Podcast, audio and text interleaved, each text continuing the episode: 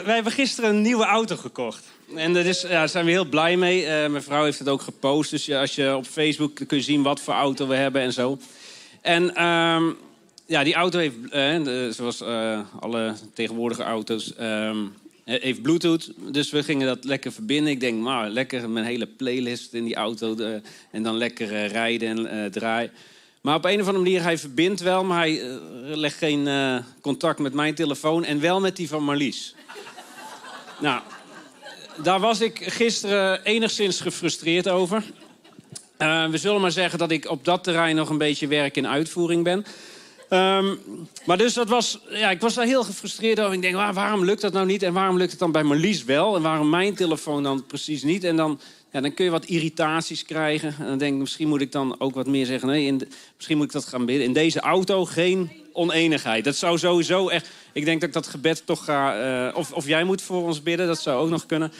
Want um, ja, ik wil in het verkeer... Ik, de laatste tijd zei ik ook van... Ja, soms lijkt het wel in het verkeer dat je opeens helemaal anders wordt of zo. En dan denk ik, nou, daar, daar heb ik nog heel veel genade nodig... en heel veel uh, herstel nodig. Dus dat is... Um, ja, ik ben hier gewoon aan het beleiden dat ik niet, uh, niet zo perfect ben. Maar ik, ik was daarover nadenken en toen dacht ik... Ja, verbinding, geen verbinding. Ik ben, ik ben gefrustreerd over geen verbinding van mijn telefoon met de auto, zodat niet alle, alles wat op mijn telefoon staat makkelijk daar naartoe gaat en zo. En dan denk ik, over zoiets ben ik al gefrustreerd. En ik was natuurlijk met de preek ook bezig en ik dacht, maar als ik over zoiets gefrustreerd ben, over een verbinding die niet tot stand is gekomen, hoeveel meer is God dan niet gefrustreerd over het feit dat er geen verbinding meer was tussen ons en God? Hoe moet, hoe moet dat voor God geweest zijn dat toen, hè, toen de zondeval was, dat de verbinding weg was? Dat er geen vrije toegang meer was van de mens naar God. Daar was God gefrustreerd over, want God wil zijn liefde geven. God wil alles wat hij voor de mens gemaakt heeft. Hij is de schepper van hemel en aarde. Hij heeft alles heeft hij klaar liggen voor ons. En dat wil hij geven, maar dat kon niet meer door de zonde. Dus God was hevig gefrustreerd. God haat echtscheiding. En dan, zeggen mensen, hè, dan kunnen mensen heel veel dingen over zeggen. Oh, God haat echtscheiding. Nee, waarom haat God dat? Omdat hij het niet wil dat er scheiding is tussen hem en mensen. God wil connectie. God wil zijn liefde geven aan mensen. Dus toen dacht ik, nou, dat is weer een wijze les. Misschien, uh, dus toen hoopte ik vanochtend dat hij wel verbonden. Ik denk, ik heb de les geleerd. Maar dat was toch ook nog niet zo. Dus ik moet nog wat anders doen. Maar in ieder geval, God, God wil verbinding leggen. En dat is, in wezen is dat de essentie van kerst. We zitten in de adventstijd. We gaan, Rob zei het al net, van Gods masterplan. Gods plan was, dat zei hij al toen Adam en Eva zondigden. Hij zei, het zaad van de vrouw zal de kop van de slang vermorzelen. Gods plan was daar al. Het plan dat Jezus zou komen, dat was daar al. En dat is de essentie van kerst. Is eigenlijk God die naar de aarde komt, die de relatie herstelt. Dat is de essentie. Het gaat om uiteindelijk Jezus die naar de aarde is gekomen als zoon van God, die mens werd om ons weer terug bij de Vader te brengen. Dat is de essentie van kerst. En dat is wat we mogen vieren. En dat mogen we met allemaal mooie versieringen doen, maar de essentie gaat om Jezus die gekomen is. Dus de komende weken wil ik het daar met jullie over hebben. En ik heb daar uh, één Bijbeltekst, Jezaja 9, vers 5. Een kind is ons geboren, een zoon is ons gegeven. De heerschappij rust op zijn schouders. Deze namen zal hij dragen: wonderbare raadsman, goddelijke held, eeuwige vader, vredevorst. Nou, ik ga dat dus in drie stappen doen. Vandaag gaan we het hebben over een kind is ons geboren. Volgende week een zoon is ons gegeven. En met kerst gaan we vieren dat uh, de vredevorst, hè, dat, dat die is gekomen en dat de heerschappij op zijn schouders rust. Dat is wat we dan zullen gaan vieren. Hey, maar een kind is ons geboren.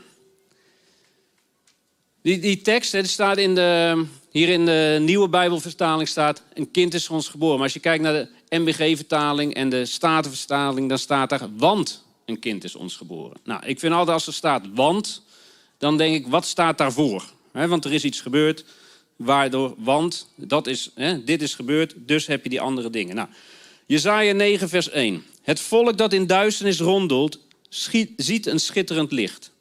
Zij die in het donker wonen, worden door een helder licht beschenen. U hebt het volk weer groot gemaakt. Diepe vreugde gaf u het. blijdschap als de vreugde bij de oogst. Zij jubelen als bij het verdelen van de buit. Het juk dat op hen drukte, de stok op hun schouder, de zweep van de drijver, u hebt ze verbrijzeld. Zoals Midjan destijds. Iedere laars die dreunend stampte en elke mantel waar bloed aan kleeft, ze worden verbrand, een prooi van het vuur. Nou, en dan staat er dus, want een kind is ons geboren, een zoon is ons gegeven. Dus wat is het effect van dat kind wat geboren is, die zoon die ons gegeven is? Een volk wat een schitterend licht ziet. Een volk wat weer groot gemaakt is, wat diepe vreugde heeft. En een juk wat verbrijzeld is. Nou, en dat is precies wat Matthäus dan beschrijft in Matthäus 4, vers 14 tot 17. Dan zegt hij, als Jezus begint aan zijn bediening, dan zegt hij, zo ging in vervulling wat gezegd is door de profeet Jezaja. Land van Zebulon en Naphtali, gebied aan de weg naar zee en aan de overkant van de Jordaan, Galilea van de heidenen. Luister. Nou, dit is ook al iets. Dit was een gebied wat in die tijd, ja, Galilea, dat lag ver weg, was vaak gewisseld, was aan andere koningen gegeven. Het was een land wat, eigenlijk een gebied wat zich minder voelde. En, zegt, en Jezus begint daar zijn bediening. En dan staat er: Het volk dat in duisternis leefde, zag een schitterend licht. En zij die woonden in de schaduw van de dood, werden door het licht beschenen. Vanaf dat moment begon Jezus zijn verkondiging. Kom tot inkeer, zei hij, want het koninkrijk van de hemel is nabij. Nou, ik vind het opvallend dat, dat Matthäus hier begint. Hij, zegt, hij begint te beschrijven dat Jezus zijn bediening begint in, uh, in Galilea. En dat hij dan deze tekst van Jezaja aanhaalt. Hij zegt, het volk wat in duisternis rondelt, ziet een groot licht. En dan zegt hij, en Jezus begint met zijn verkondiging. Dus wat hij doet, is de, de spotlight op Jezus zetten. Wat we net zongen, van God, ik kijk naar u, want dan ben ik niet bang. Dat is wat Matthäus hier ook doet. Hij zegt, er is duisternis, maar Jezus is gekomen. Ik zet het licht op Jezus. En dit is, de, eh, de boodschap van Jezus is, kom tot inkeer, want het koninkrijk van God is, het koninkrijk van de hemel is nabij. En wat, dat is wat Jezus doet. Jezus is gekomen om de Vader te laten zien. Jezus is gekomen om die relatie met de, met de Vader te herstellen. Hij, is, hij, hij wil laten zien dat de Vader liefdevol en goed is. Dat de Vader niet een strenge man is die er alleen maar op uit is om ons aan regels te binden. Nee, Jezus laat zien wie de Vader is. Liefdevol, goed, eh, vol, eh, vol uh, genezing, vol herstel. En Jezus is gekomen om te laten zien wie wij zijn. Dat we zonder herder verloren zijn. Dat we een herder nodig hebben. Dat we een redder nodig hebben. En Matthäus laat dus geen misverstand over, over bestaan dat Jezus het kind is dat geboren is. En in Matthäus 1 beschrijft hij ook de geboorte van Jezus. Eh, en vanaf vers 18. En dan zegt hij: De afkomst van Jezus Christus was als volgt. Toen zijn moeder Maria al was uitgehuwelijkt aan Jozef, maar nog niet bij hem woonde, bleek ze zwanger te zijn door de Heilige Geest. Haar man Jozef, die een rechtschapen mens was, wilde haar niet in opspraak brengen en dacht erover haar in het geheim te verstoten. Toen hij dit overwoog, verscheen hem in een droom een engel van de Heer. De engel zei: Jozef, zoon van David, wees niet bang je vrouw Maria bij je te nemen, want het kind dat ze draagt is verwekt door de Heilige Geest. Ze zal een zoon baren. Geef hem dan de naam Jezus, want hij zal zijn volk bevrijden van hun zonde. Dus ook daar weer duidelijk wat komt Jezus, hè, waarvoor was Jezus? Om ons te bevrijden van onze zonden, zodat er weer het toegang tot de Vader is. En dit alles is gebeurd opdat in vervulling zou gaan wat bij monden van de profeet door de Heer is gezegd.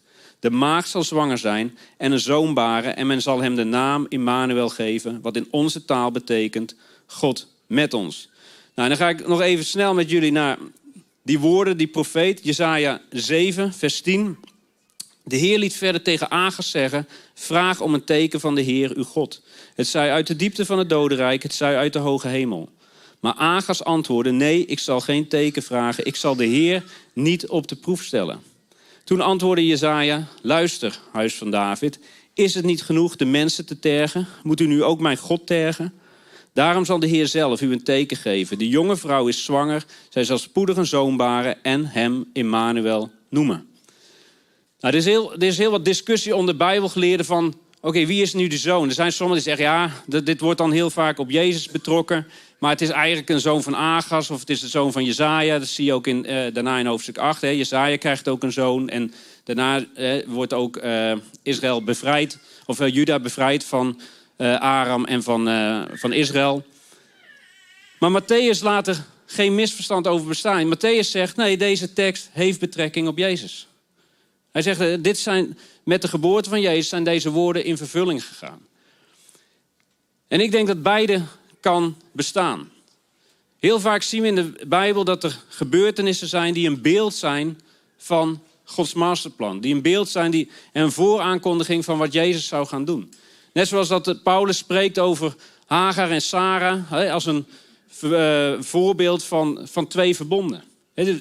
Paulus die beschrijft een heleboel verhalen in het Oude Testament, zegt hij, die verwijzen naar wat Jezus zou gaan doen. En ook dit verhaal, ik geloof, dit laat zien het verhaal dat, wat Jezus zou gaan doen. Dus ik denk dat hier, hier zit een beeld in van wat heeft Jezus gedaan.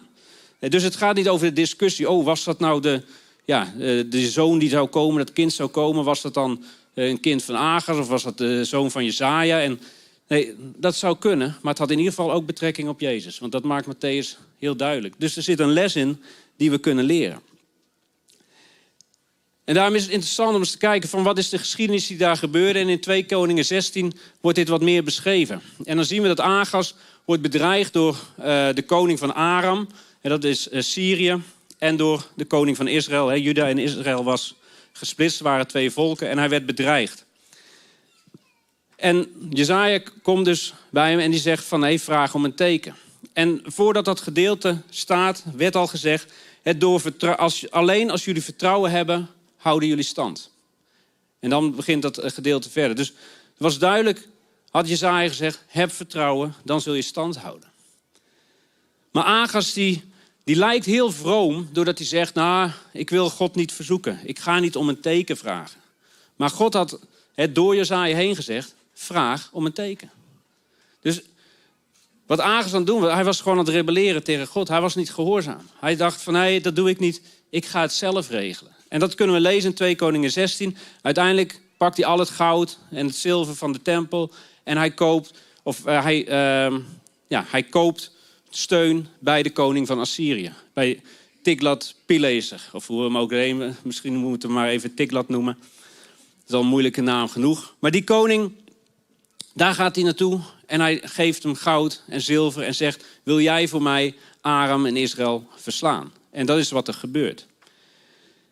En dan zien we dat Agas gaat naar Damascus, hè, want dat is uh, veroverd, om koning Tiglat te ontmoeten. En dan raakt hij onder de indruk van een altaar wat er is. En hij stuurt boden vooruit en zegt: Ik wil dat altaar in de tempel hebben. Zoals dat gebouwd is, dat wil ik hebben. En we lezen dat hij vervolgens allerlei dingen uit de tempel sloopt. De, uh, ja, de altaren die daar staan, hoe dat allemaal gebouwd is. Hij wil het er allemaal uit hebben. En hij verandert daar de tempel en hij gaat eigenlijk een andere offerdienst daarin uh, in de tempel brengen. Dus je ziet dat hij helemaal niet gehoorzaam is naar, dat, naar wat God zegt. Hij heeft geen vertrouwen in God, hij wil het zelf doen. Hij vertrouwt meer op geld, op mensen, dan op Gods kracht. En dat is wat we hier, wat we hier zien. dat hij dus meer um, dat hij het eigenlijk zelf wil doen. Dat zegt, nee, ik, ik regel het zelf. Ik doe het zelf wel. Geld, dat lost alles op. En ik denk dat dat het grote probleem is van het eten van de boom van kennis van goed en kwaad. Dat is dat we het zelf willen doen. En daar begon het al mee. Van, ja, als je eet van die vrucht, zei, zei de uh, slang tegen Eva, dan zul je zijn als God. En dat is vaak het probleem wat we hebben. We willen zelf God zijn. We willen onze eigen God zijn. We willen het zelf regelen. En we willen ons vertrouwen niet stellen in God die, uh, die zijn plan al lang klaar heeft. En, dat is, dat is, en God die zegt, ja, vertrouw op de Heer met al je kracht en steun, niet op je eigen inzicht. Ken hem in al je wegen, dan zal hij je paden recht banen. Dus dat is wat, wat God vraagt. Vertrouw hem. Alleen als je vertrouwt, zul je stand houden. Maar wat koning Agis hier doet, is zeggen: Nou, nee, ik regel het zelf wel. Met geld is alles te regelen. Ik, geef eh, ik, ik vraag gewoon een sterkere koning om mij te helpen. En dat is het. Maar vervolgens zien we dat een tijd later ook Juda onderworpen is aan Assyrië. En ze zijn eigenlijk slaaf van Assyrië. Ze zijn niet meer vrij om hun eigen godsdienst te hebben, hun eigen ehm, hun eigen offers. Nee, ze gaan mee in uh, de cultus, in, in het, het religieuze gebeuren van Assyrië. Dus er is helemaal geen vrijheid. Ze zijn wel verlost van Aram en van, van Israël, maar ze zijn niet vrij. Terwijl als God ons vrij maakt, is er echte vrijheid. Nou, het is uh, gezellig hiernaast. Maar dat is wat, wat God wil. God wil, uiteindelijk wil die verbinding. God wil niet dat wij zeggen van, oh, ik doe het zelf maar. Ik, ga, ik bepaal zelf wel wat goed is en dan, ik regel het allemaal. Nee, God zegt, ik ben, ik ben er gekomen om jou te helpen. Ik ben gekomen om, om de verbinding te herstellen en met jou samen te zijn. En daarom zegt God, ik geef zelf een teken. Als jij dan zegt, ik wil, hè, ik wil niet uh, ja, God om een teken vragen ik doe het zelf wel. Nee, dan zegt God, nee, dan zal ik zelf een teken geven. En dat teken is Jezus. De maagd zal zwanger worden en zal een kind baren. En dat is wat we zien gebeuren. En eigenlijk is dat volledig in contrast ook het moment dat Jezus geboren wordt als kind in het Romeinse Rijk, wat op dat moment groot is en de, de Pax Romana, de, de, de vrede van het Romeinse Rijk is op dat moment wat er is. En Augustus is keizer en Augustus die heeft zichzelf die naam Augustus gegeven wat de verhevene betekent. En dan komt God, God zelf, de, de zoon van de schepper van hemel en aarde, die wordt mens. Die wordt een kind wat geboren is. Volledig kwetsbaar. Volledig uh, in de handen van, van de mensen die, aan wie hij zich toevertrouwt. En dat is zo in contrast met, met hoe Augustus als keizer was. Vrede brengen door onderdrukking. Vrede brengen door andere mensen op de knieën te brengen. Eigenlijk een, een tirannie. Maar Gods vrede komt door dat God zichzelf geeft. Doordat er een kind geboren wordt. Wat zegt, ik ben hier. Ik ben geboren om de relatie te herstellen. Ik geef mijzelf. En dat is het contrast wat er is. En dat gaat ook in tegen onze logica. dan vaak zeggen we, ja, hoe kan het nou, een maagdelijke geboorte? Dat kan toch helemaal niet? En ja, hoe, hoe kan het? Ja, dat is omdat het Gods plan is. Omdat het een een wonder is, omdat het uniek is.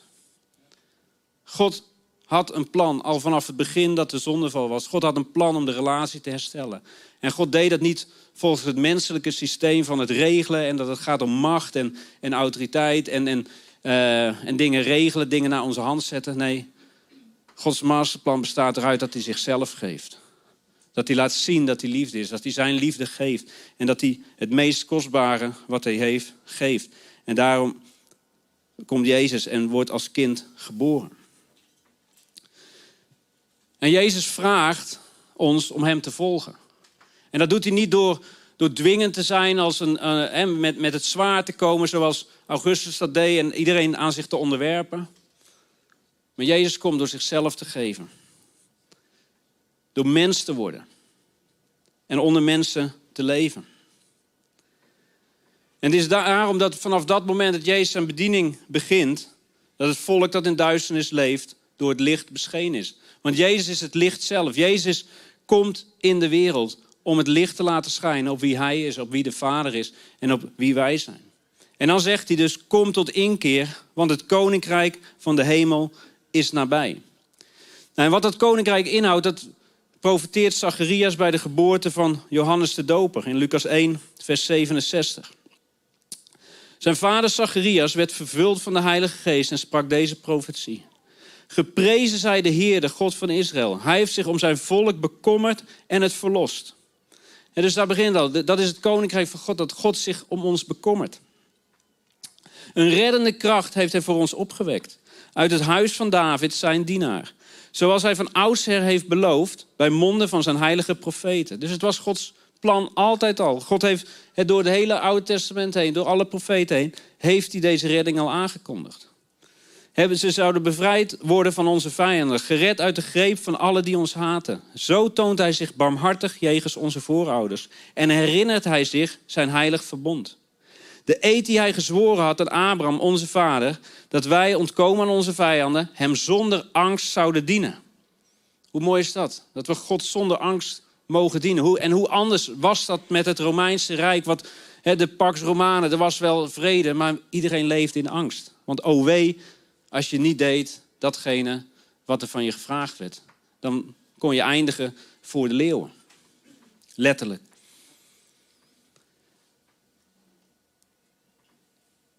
Toegewijd en oprecht, altijd levend in zijn nabijheid. Dus ook dat is wat het koninkrijk van God is, dat we mogen leven in Gods nabijheid. En jij kind, jij zult genoemd worden profeet van de Allerhoogste, want voor de Heer zul je uitgaan om de weg voor hem gereed te maken en om zijn volk bekend te maken met hun redding, door de vergeving van hun zonden. En hoe? Dankzij de liefdevolle barmhartigheid van onze God zal het stralende licht uit de hemel over ons opgaan. En verschijnen aan alle die leven in duisternis en verkeren in de schaduw van de dood, zodat we onze voeten kunnen zetten op de weg van de vrede. Het is, is dankzij Gods liefdevolle barmhartigheid. Het is God die het teken geeft. Het is niet wij die zeggen van nou, ja, dit, dit, zo moet het plan eruit zien. Nee, het is Gods masterplan. Het is God die zei van ja, zo wil ik het hebben. En zo ga ik het doen. En het is omdat ik van jullie hou, omdat ik wil dat er verbinding is. Ik kan er niet tegen dat er geen verbinding is. Ik wil die connectie tot stand brengen. En dat is zijn barmhartigheid. Hij wil niet dat we gevangen zijn in, in zonde, dat we gevangen zijn in slavernij, dat we gevangen zijn in onze eigen begeerte. Hij wil dat we vrij zijn. Dat we zonder angst hem kunnen dienen. Dat we continu kunnen leven in zijn nabijheid. Dat is wat God wil. En dan, als we vrij zijn, kunnen we op die weg van de vrede bewandelen. Dus het kenmerk van Gods koninkrijk is dat we Hem kunnen dienen zonder angst. Dat we kunnen leven in Gods nabijheid. Dat er vergeving is van zonde. Dat we dus leven uit genade door Gods liefdevolle barmhartigheid. Dat we leven in het stralende licht. En dat we wandelen op de weg van de vrede. Dus een kind is ons geboren. Jezus is geboren om het koninkrijk op aarde te brengen. En wat hij zegt, kom tot inkeer. En kom tot inkeer is bekeer je. En bekeren betekent ga anders denken. Ga anders denken over God. Ga God zien als die liefdevolle vader. God is liefde. God wil geen scheiding. God wil verbinding. God wil dat het ons goed gaat naar geest, ziel en lichaam. Dat is wie God is. God wil geen afstand. God wil ons juist leiden. En niet vanuit, vanuit straf of vanuit dat we bang zijn. Nee, God wil ons leiden vanuit liefde. God wil juist dat wij op die weg van vrede wandelen. Hij wil ons leiden vanuit relatie, zodat wij als koningen kunnen heersen. Dat is wat Jezus zegt, kom tot inkeer. Ga anders denken over God. Maar Jezus zegt ook, ga anders denken over jezelf. Stop met te denken dat je het zelf wel kunt. Dat je zelf wel in staat bent om die relatie te herstellen. Stop met te, te denken dat je God niet nodig hebt. Dat je alles zelf kan regelen. Stop met te denken dat het, het, het systeem, het economisch systeem of met geld, dat daarmee alles te koop is. Dat je het daarmee wel kan redden. Stop met het zelf doen. Jezus zegt, je kunt niet twee heren dienen. Je kunt niet mammon dienen en God dienen. Het is een, het is een keuze. Als je ervoor kiest om op het financiële systeem en op geld te vertrouwen en op je eigen kracht, dan zul je ook een slaaf worden van dat systeem. Maar je zegt, ik kies ervoor om te vertrouwen op God, dan zul je stand houden. Dan zul je werkelijk vrij zijn. En dan zul je kunnen leven en als koning kunnen heersen in dit leven. En ik denk dat de vele crisissen waar we nu in zitten in Nederland maken wel duidelijk dat het vertrouwen op dat systeem dat dat niet goed is. Elke crisis zie je weer van, oh, we stoppen er meer geld in, dan hebben we het opgelost. Of dan, ja, eh, de bank, het begon al met de bankencrisis jaren geleden. Nou, red de banken en vervolgens zijn we weer allemaal nog weer meer hypotheken, nog weer meer schulden, nog weer. En iedereen is gevangen in het systeem. En als je kijkt naar de stikstofcrisis, die is bijna niet op te lossen, omdat alles hangt zo met elkaar samen. En er is zo'n systeem van, van subsidierelaties en machtige, uh, uh, hoe noem je dat? ja, uh, machtige conglomeraties die dus alles houden en daar geld aan verdienen aan het systeem zoals dat zit. En dan moeten dingen doorbroken worden. En dat willen, we zijn gewoon slaaf van het systeem geworden. En de enige is als we zeggen, ik vertrouw op God dat Hij mijn voorziener is. Dat Hij voor mij het beste voor mijn ogen heeft. Dan zullen, we dan zullen we stand houden. Dus vertrouwen dat God een goede God is. Vertrouwen dat God dat Gods genade alles is wat we nodig hebben. Dat is wat, hoe we stand houden. Vertrouwen dat Jezus alle macht heeft in hemel en op aarde. Vertrouwen dat God alles doet medewerken ten goede. Vertrouwen dat Hij ons leidt van heerlijkheid naar heerlijkheid. Vertrouwen dat Hij het beste met ons voor heeft. En vertrouwen dat Hij doet wat Hij belooft. Dat is, we mogen vertrouwen in Gods goedheid. We mogen vertrouwen dat Hij altijd ons zal leiden. Dat het ons aan niets zal ontbreken. En dan zien we in Matthäus 4 dat Jezus begint zijn bediening. En hij roept mensen op, bekeer je, het koninkrijk van God is nabij. En dan loopt hij langs het meer, in vers 18.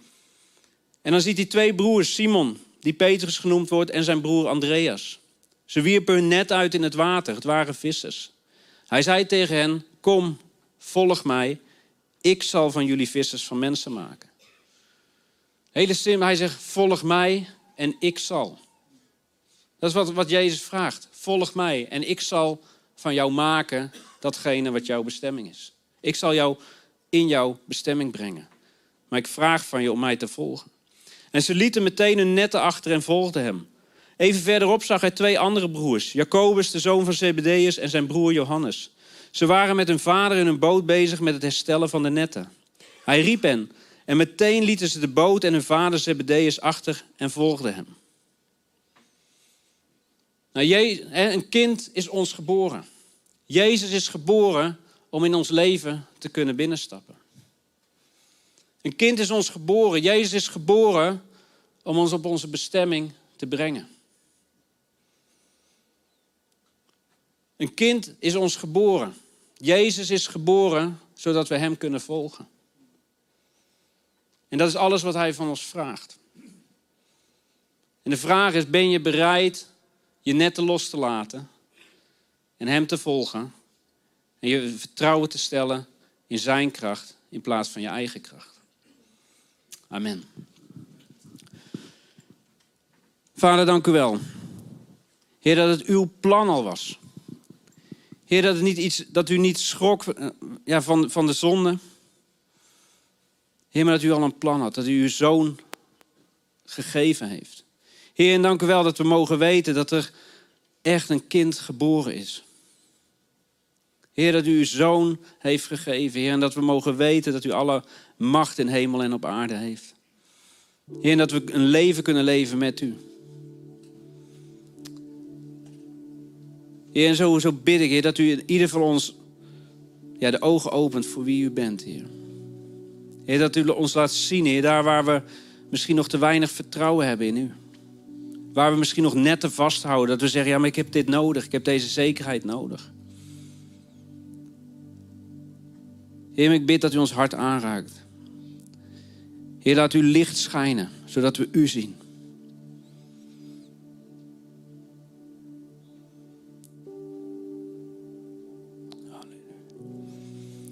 Misschien zit je hier en zegt van ja, ik, ik hou nog dingen vast, maar ik wil me overgeven aan Jezus. Ik wil loslaten. En ik wil hem gaan volgen. En het is, het is misschien best spannend om, om zekerheden los te laten. En ik heb het niet over van, oh, je moet je baan opzeggen en je moet nu dan zeggen, nou, ik ga Jezus volgen. Nee, het gaat om, waar stel je je vertrouwen in? Stel je je vertrouwen in in je eigen zekerheid of zeg, nee, ik wil gaan leven met God. Ik wil dat Hij mijn leven leidt. En dan zeg ik, ik wil dat, ik wil dat God mijn leven leidt. Ik wil Jezus volgen. En wil ik een moment vragen of je je hand wil opsteken. Dank je wel. Ik wil het gebed samen bidden. En je mag dat, iedereen mag dat ook hardop meebidden.